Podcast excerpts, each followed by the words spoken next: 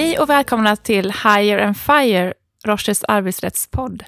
Mitt namn är Jenny Welander Wadström och jag är ansvarig delägare här på Roche advokatbyrå för arbetsrättsgruppen. Och med mig idag har jag min kollega Alice. Ja, och mitt namn är Alice Göransson eh, och jag jobbar då tillsammans med Jenny i arbetsrättsgruppen. Jag har snart jobbat här ett år på Rocher ja, jobbar väldigt mycket med visselblåsning just nu, som vi ska prata om idag. Precis, och det är premiär för dig i podden idag. Ja, precis. Och själv har jag haft ganska långt uppehåll, så att, eh, kul att vara tillbaka och kul att du är med också. Ja. Som Alice nämnde så ska vi prata om visselblåsarlagen idag. Och eh, ni kanske minns att vi hade ett avsnitt om lagen redan i augusti förra året. Och då var ju propositionen relativt ny och vi hade precis börjat sätta oss in i frågorna. Men nu har vi jobbat med lagen ganska mycket under det här året som har gått. Och eh, vi har ju fått många fler frågor än vi hade kanske förra året. För att det har också visat sig vad som är de svåra frågorna att tillämpa i praktiken. För direktivet är ju en väldigt teoretisk produkt och man har gjort vad man kan i den svenska lagen för att eh, göra den mer användarvänlig. Men det är fortfarande så att det är många svåra frågor som man står inför som bolag. Och lagen har gällt sedan december 2021. Men vi står inför ett väldigt spännande vägskäl här nu redan i juli. Eller hur Alice? Exakt. Eh, för redan i juli i år så kommer stora företag, vilket är de med 250 eller fler arbetstagare vid ingången av kalenderåret, de kommer behöva inrätta interna rapporteringskanaler. Och för medelstora företag så gäller ett ännu senare datum, nämligen 17 december 2023. Då måste de ha sina kanaler på plats. Och det är just de här interna rapporteringskanalerna vi tänkte fokusera på idag, för det är också det vi har fått väldigt mycket frågor om under den senaste tiden. Men innan vi går in på de här frågorna som vi har fått mycket av senaste tiden, som handlar om hur man ska upprätta sin interna kanal, så kanske vi ska backa bandet lite och eh, kort sammanfatta vad de stora nyheterna är. Som vi nämnde i förra avsnittet då så innebär den nya lagen, om man då jämför med den tidigare lagen, att eh, dels är det fler personkategorier som nu kan rapportera. Förutom arbetstagare då så är det bland annat praktikanter, volontärer och konsulter som kan rapportera och också erhålla skydd då enligt lagen. Till de här grupperna så eh, omfattas även arbetssökande och också de som tidigare har varit en del av verksamheten. Så före detta konsulter eller före detta arbetstagare erhåller också ett skydd om de rapporterar. Vad gäller vad man kan rapportera om eh, så är det så att nu kan man rapportera om saker som är av allmänintresse, vilket i praktiken innebär att det måste vara någonting som det finns ett allmänintresse av att det kommer fram. Så systematiska missförhållanden till exempel då inom eh, verksamheten som påverkar flera grupper av personer eh, är typiskt sett sånt som är allmänintresse. Och det anges även i den nya lagen att typiska lagöverträdelser som nämns i direktivet också är någonting man kan rapportera om. Och det är till exempel miljöförstöring, mutbrott eh, eller lagöverträdelser vad gäller produktsäkerheten. Så det finns liksom uppradat olika ämnen om vad man kan rapportera om helt enkelt. Mm, som bygger på EU-rätt och sen vi, utöver det har vi det här allmänintresset då. Exakt. Som vi har breddat direktivet egentligen med då i Sverige. Men om man tittar på hur man får rapportera då, så finns det också en nyhet där. Att man måste inte gå internt till den interna kanalen först, utan man kan också välja att gå till en extern myndighetskanal. Exakt. Så nu finns det en valmöjlighet mellan de två. Och man kan även erhålla skydd när man går till media, men då är det vissa förutsättningar som måste uppfyllas innan det. Och som regel så måste man i alla fall ha gått externt först innan man då rapporterar till media.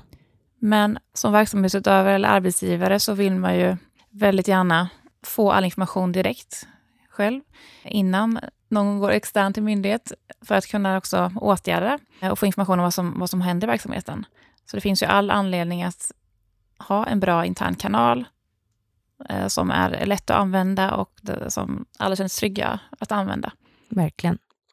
Men vad är då en sån här intern rapporteringskanal? Det låter lite abstrakt. Ja, ja men det är ju så att eh, vissa företag inom vissa verksamheter har redan haft krav på sig att ha visselblåsarkanaler. Bland annat inom eh, finansiella bolag enligt penningtvättslagen och lite sådär. Men enligt den nya lagen så ska då företag med 50 eller fler arbetstagare vid ingången av kalenderåret, de måste inrätta eh, interna rapporteringskanaler. Och med interna rapporteringskanaler innebär då ett helt förfarande kan man säga enligt lagen. Och det första steget i det här förfarandet är att man ska ha en mottagarfunktion som tar emot en rapport och också bekräftar att rapporten har blivit mottagen inom sju dagar. Efter det så ska det rapporterade utredas av en person eller en utredningsgrupp. Och inom tre månader så ska man återkoppla om de åtgärder som har vidtagits på grund av det rapporterade. Mm.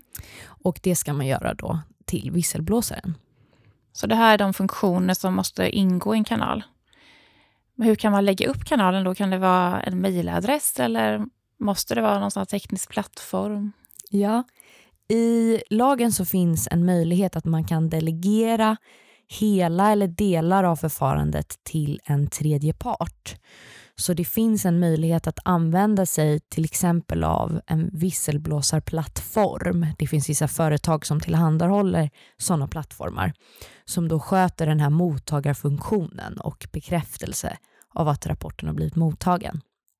Och det här med e-mailadresser är såklart möjligt, men som vi kommer återkomma till senare så finns det en, en viss problematik i det i och med att det råder en tystnadsplikt.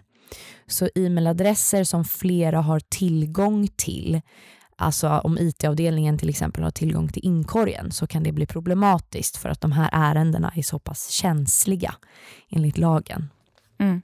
Och så fördelen med att eh, använda en plattform för det här och ett externt företag oftast då är ju att det sköts, liksom allting sköts utanför bolagets servrar.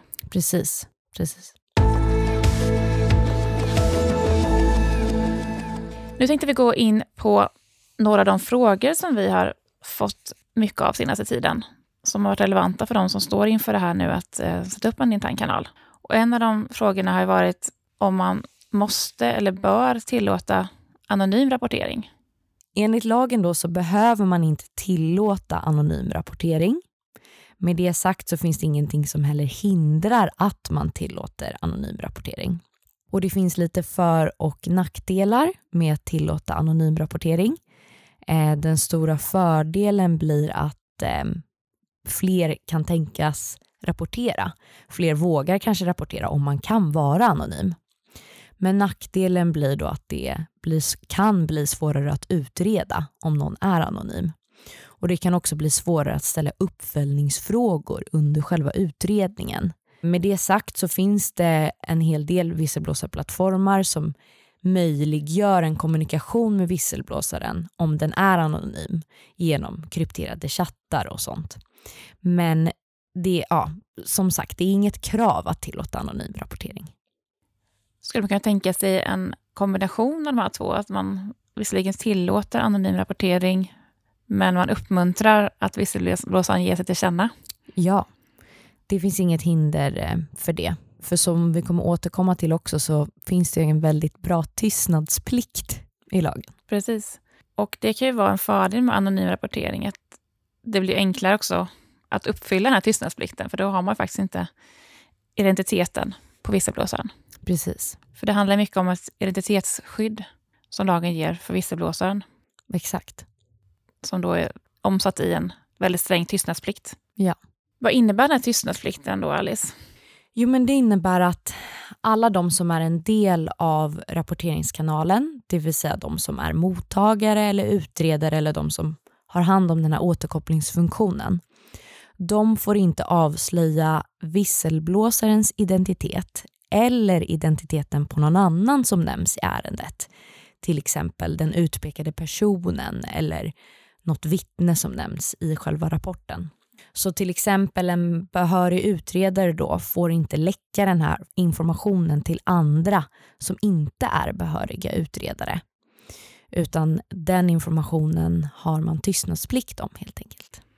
Och det här blir ju en lagstadgad tystnadsplikt som innebär ett personligt, till och med straffrättsligt ansvar. Så det skojar man inte bort. Precis. Och i och med det så kan det vara bra att upprätta olika interna dokument om man väljer att ha utredningsgruppen intern då.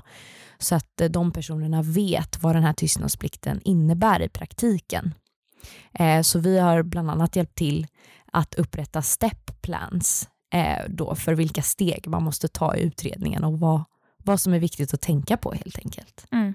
Det känns ju tryggt för den som får det här ansvaret. Precis. För de vi pratar om nu, det är de som kallas för behöriga personer i lagen. Och eh, vad kan man säga mer om, om den rollen? Ja, de här personerna måste vara oberoende och självständiga. Och med självständigheten så innebär att man ska vara behörig att kunna ta beslut under utredningen. Man ska liksom inte behöva ha tillåtelse av vdn till exempel att vidta åtgärder under utredningen utan man ska, man ska vara liksom hyfsat självständig i den utredningen man gör. Mm. Och oberoendet innebär att intressekonflikter ska undvikas. Så i förarbetena så nämns bland annat att man ska ha rutiner för hur det här oberoendet ska säkerställas i praktiken. För om det är så att en rapport kommer in och det är till exempel en HR-ansvarig som ska utreda det som har rapporterats och så handlar rapporten om just den eh, HR-personen, då måste man ha rutiner för hur en sån situation ska lösas helt enkelt.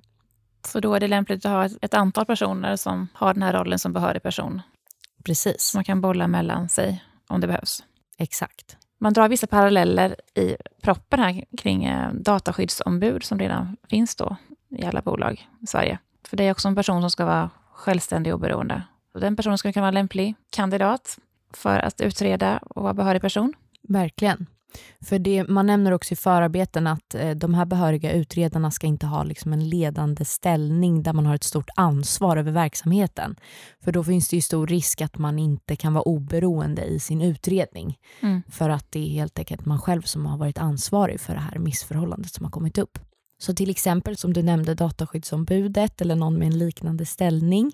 Eller också HR-personer skulle kunna vara en bra kandidat. Eh, eller också folk inom compliance om det finns inom företaget.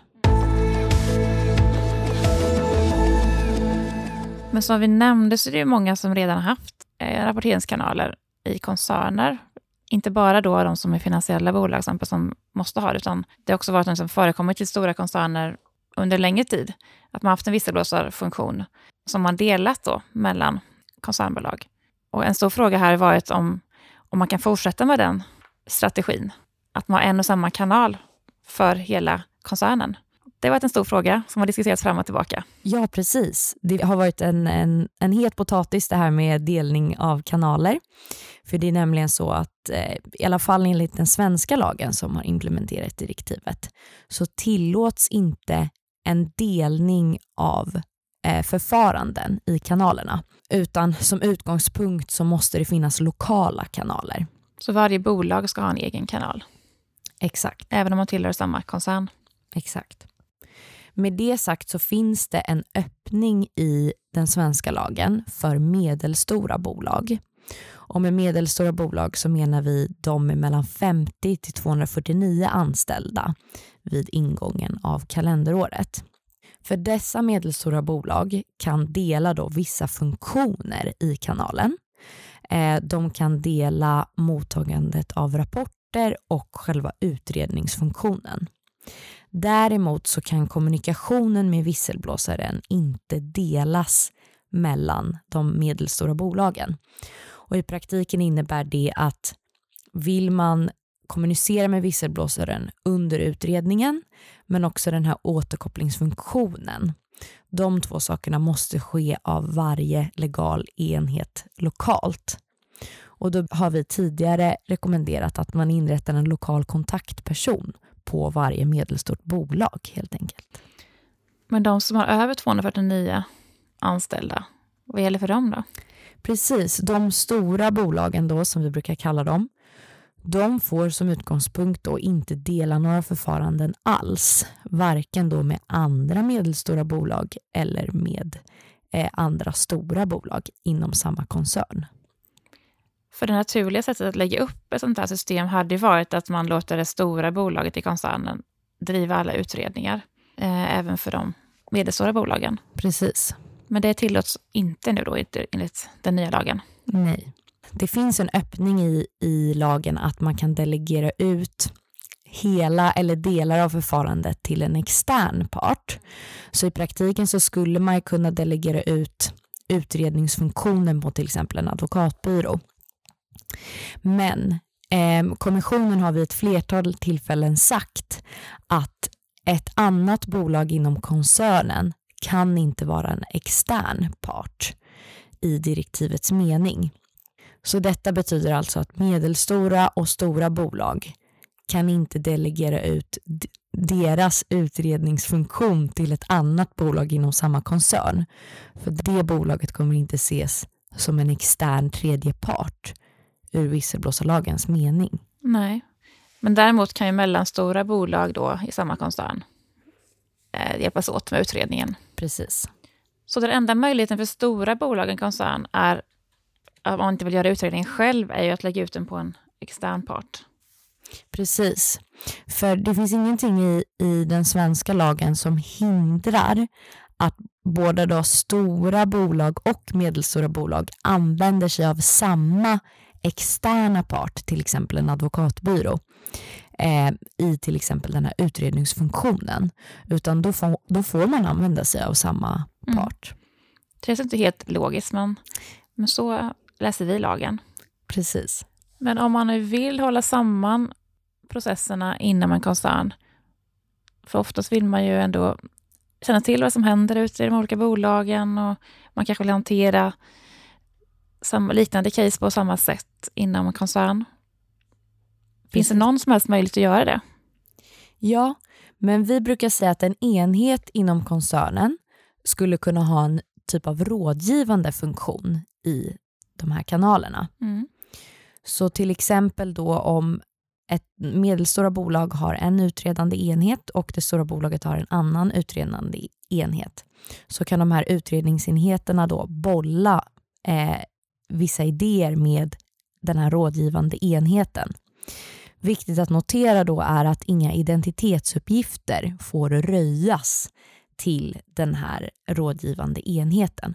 Och heller inga uppgifter som kan röja eh, identitetsuppgifterna. Till exempel då som kan röja identiteten på visselblåsaren. De får inte he heller röjas då till den här rådgivande enheten eftersom att de inte har blivit utsedda behöriga utredare. Så rådet är egentligen att man kan diskutera och hålla samman i den här advisory boarden, men man får vara väldigt försiktig med att dela som, några som helst personuppgifter. Precis. Så allt måste vara anonymiserat. Exakt. Och det som är också viktigt att nämna då att den här rådgivande enheten inte har liksom någon beslutande rätt i utredningen, utan deras funktion är just att ge rådgivning om hur någonting kan hanteras. Mm. Så att det på något sätt finns en, en samhörighet mellan de olika utredningsgrupperna i en koncern. Mm. Men som du berättade förut, Alice, så är det olika deadlines här för olika typer av bolag. Det vill säga de stora bolagen. Eh, de har ju deadline redan nu 17 juli i år. Medan de mellanstora har ju ytterligare till december 2023 på sig att inrätta sin interna kanal. Men jag tror att många koncerner vill ändå göra lika i alla bolag. Får man göra det? Får man sätta upp sina kanaler tidigare än deadlinen vad gäller just mellanstora bolag? Ja, det finns egentligen inget hinder enligt visselblåsarlagen att då inrätta kanaler för de medelstora bolagen innan den 17 december 2023. Men det som är viktigt att vara medveten om då är att personuppgiftsbestämmelserna i visselblåsarlagen kommer först börja gälla den 17 december 2023. Mm. Så väljer man att inrätta kanaler för de medelstora bolagen innan dess, då kommer det vara GDPR och då DIFs 2018 2 som gäller för de bolagen. Och den här DIFSen då, ska vi bara kort berätta vad det är? Det är ju föreskrifter från före detta Datainspektionen, IMI, om hur man kan behandla personuppgifter i, i, en sån här kanal. Precis. Och de är mycket mer begränsade ju än vad den nya lagen är. Exakt. För de föreskrifterna anger att man bara får rapportera om vissa typer av allvarliga oegentligheter mm. i kanalen. Och man får också då rapportera bara om en viss typ av grupper av personer. Vissa nyckelpersoner inom verksamheten. Så de är betydligt mer begränsande än själva visselblåsarlagens personuppgiftsbestämmelser. Så det går, kommer inte gå att köra one size fits all egentligen, Nej. utan man måste anpassa kanalerna utifrån vad man får behandla för personuppgifter då. Precis. Och de här diffsen, de blir också relevanta för de vi brukar kalla för mindre företag. Alltså det vill säga de med mindre än 50 arbetstagare vid ingången av kalenderåret. Mm. De har ingen rättslig skyldighet att ha en kanal enligt visselblåsarlagen. Och det leder i sin tur till att de här diffsen och GDPR då kommer gälla för de kanalerna.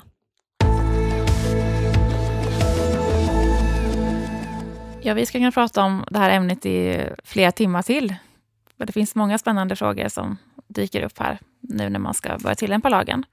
Men om jag ska sammanfatta lite kort de allra viktigaste sakerna att tänka på just i det här skedet. Ja, eh, då kan man sammanfatta det då i några punkter. Och till att börja med så är det viktigt att komma ihåg att en visselblåsare har rätt att både gå internt och externt i och med den nya visselblåsarlagen. Så det finns verkligen incitament för ett företag att göra de här interna kanalerna så bra och så tillgängliga som möjligt. Det är också viktigt att, då att komma ihåg att företag med 50 eller fler arbetstagare måste inrätta sådana här kanaler. Och viktigt då att vara medveten om de här datumen som gäller. Att det också då finns anledning att kanske vänta med att inrätta kanalerna för de medelstora bolagen på grund av de här personuppgiftsbestämmelserna. Det kan också tilläggas att om en befintlig global kanal redan finns på plats, som vi nämnde tidigare, då finns det en vits med att behålla den kanalen, men att då samtidigt inrätta lokala kanaler enligt då eh, visselblåsarlagen. Och då ta höjd för det här med i vilken mån medelstora bolag kan dela funktioner med varandra och att stora bolag måste ha egna kanaler. Så den globala kanalen och de nya interna kanalerna kan leva sida vid sida, men de kommer ju ha lite olika omfattning då på grund av mycket personuppgiftsbestämmelserna egentligen. Exakt. Så det är också viktigt att vara medveten om det. Och i samband med detta, eh, speciellt om många av funktionerna hålls internt inom företaget, så kan det vara bra att upprätta interna dokument för hur saker och ting ska skötas i kanalen. Så stepplans är någonting som vi nämnde tidigare som kan vara bra att ha, där bland annat information om tystnadsplikten Eh, ges till de som ska sköta utredningen. Även att man ser till att ha en visselblåsarpolicy eller att man kanske uppdaterar den som redan finns på plats är mycket viktigt för att rätt information måste ju komma ut till eh, de som kan rapportera och bli visselblåsare. Och det är man skyldig att informera om, men det är också så att det är väldigt bra att göra det för att just eh, möjliggöra att den här informationen kommer fram som, som en visselblåsare kan vilja berätta om internt, just i den interna kanalen. Precis. Och även om man då som bolag gärna vill hålla allting internt och också ha interna personer som då har kontakt med visselblåsaren så är ju den svenska lagen väldigt generös just med att lämna över delar av visselblåsarfunktionerna, eller hela kanalen egentligen, till extern part. Det är också någonting man kan överväga som ett alternativ. Precis. Så framkommit här så gäller det att hålla tungan rätt i munnen när man sätter upp sin kanal. Men vi tror ju också att mycket kommer klarna efterhand. Det har ju redan varit så det senaste året. Här, att många frågor har kommit upp och också fått en lösning. Verkligen. Men medskicket kan ju vara då att det är viktigt att se över de här interna rapporteringskanalerna redan nu. Så att man liksom ligger i framkant med själva inrättandet. För det är mer komplicerat än vad man kan tro helt enkelt. Mm. Verkligen. Och med de orden tackar vi för oss för idag. Och har ni frågor eller funderingar eller önskemål om ämnen som vi ska ta upp i den här podden så är det bara att höra av sig till oss. Våra kontaktuppgifter finns på hemsidan rocher.com.